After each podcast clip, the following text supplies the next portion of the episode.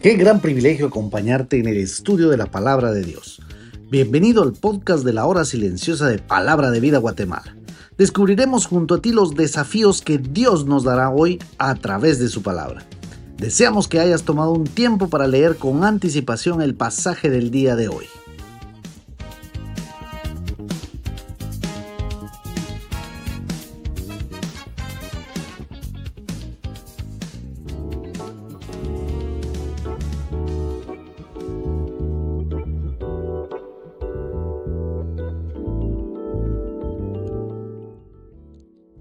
Es una bendición poder acompañarte en el estudio de la palabra de Dios.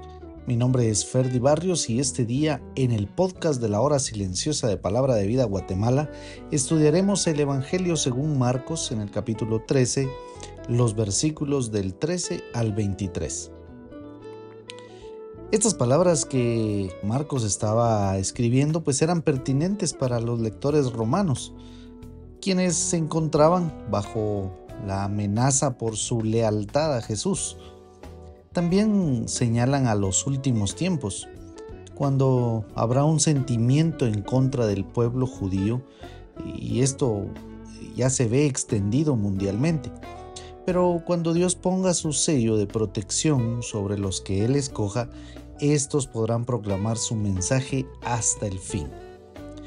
Llegamos ahora a una predicción realmente dramática en el versículo 14. Este evento marcaría el comienzo de la gran tribulación. La primera parte de esta, es decir, los primeros tres años y medio, serán comparativamente de una calma relativa.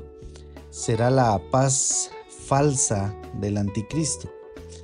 Después, en la mitad de la gran tribulación, aparecerá lo que el profeta Daniel llamó la abominación desoladora o el horrible sacrilegio, dicen algunos comentaristas, en el lugar donde nunca debería haber estado, es decir, en el lugar santo. Pero esto del lugar santo, seguramente alguno de los romanos o todos los romanos pues se habrían preguntado, ¿y dónde se encuentra este lugar santo?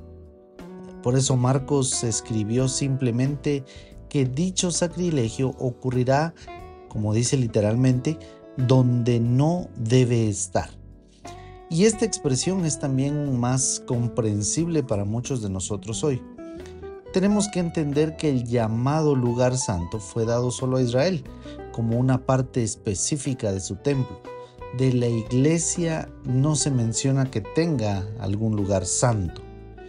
Estas palabras de Jesús han conducido a algunos a creer que todos los cristianos, o sea, la iglesia como un todo, pasará a través de este tiempo conocido como la gran tribulación y que esta advertencia debe ser para nosotros.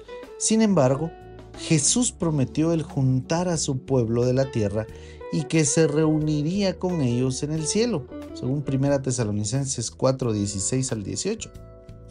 Él también nos dijo que oráramos para que fuéramos hallados dignos de escapar de este tiempo, según Lucas 21, 36. Prometió también guardar a sus fieles del tiempo del juicio que vendría sobre la tierra, Apocalipsis 3:10. Jesús dio esta advertencia primordialmente como una específica y sorprendente profecía de eventos miles de años antes de que sucediera, para que el pueblo judío, durante los tiempos de la abominación desoladora, tengan un testimonio único de Jesús y su palabra. Aquellos días serán realmente horribles. Habrán falsos líderes llamados cristianos y falsos profetas que realizarán verdaderos milagros por el poder de Satanás y sus fuerzas del mal. Y ya casi al final, pues la segunda venida de Cristo será precedida por un oscurecimiento del universo y por un despliegue universal de fenómenos luminosos, en cumplimiento de la profecía de Joel, capítulo 2, versículos del 28 al 32. Esto muestra la urgencia de la advertencia. Esto es consistente con otros pasajes de la Escritura que prometen una gran persecución en contra de los judíos durante la gran tribulación. Jesús dijo que este sería el tiempo más terrible de toda la historia humana. Cuando consideramos las grandes calamidades que la humanidad ha sufrido a través de los siglos, esta es una declaración muy terrible. El libro de Apocalipsis describe este terrible tiempo cuando Dios derrame su ira en un mundo que rechaza a Dios. Nadie debería de ser engañado en cuanto a la naturaleza de la venida de Jesús. No será secreta o privada y no será un Jesús diferente, podríamos decir, no. En medio de tal tribulación, los hombres serán tentados a ir en pos de falsos mesías. Por eso vívelo. De la manera que nosotros conozcamos la palabra de Dios, meditando en ella, será mucho más sencillo poder distinguir a aquellos falsos maestros que tratarán de engañarnos con falsas enseñanzas, tergiversando lo que la palabra de Dios está diciendo. Haz de tu relación personal con el Señor cada vez más sólida conociendo su palabra. Que Dios te bendiga.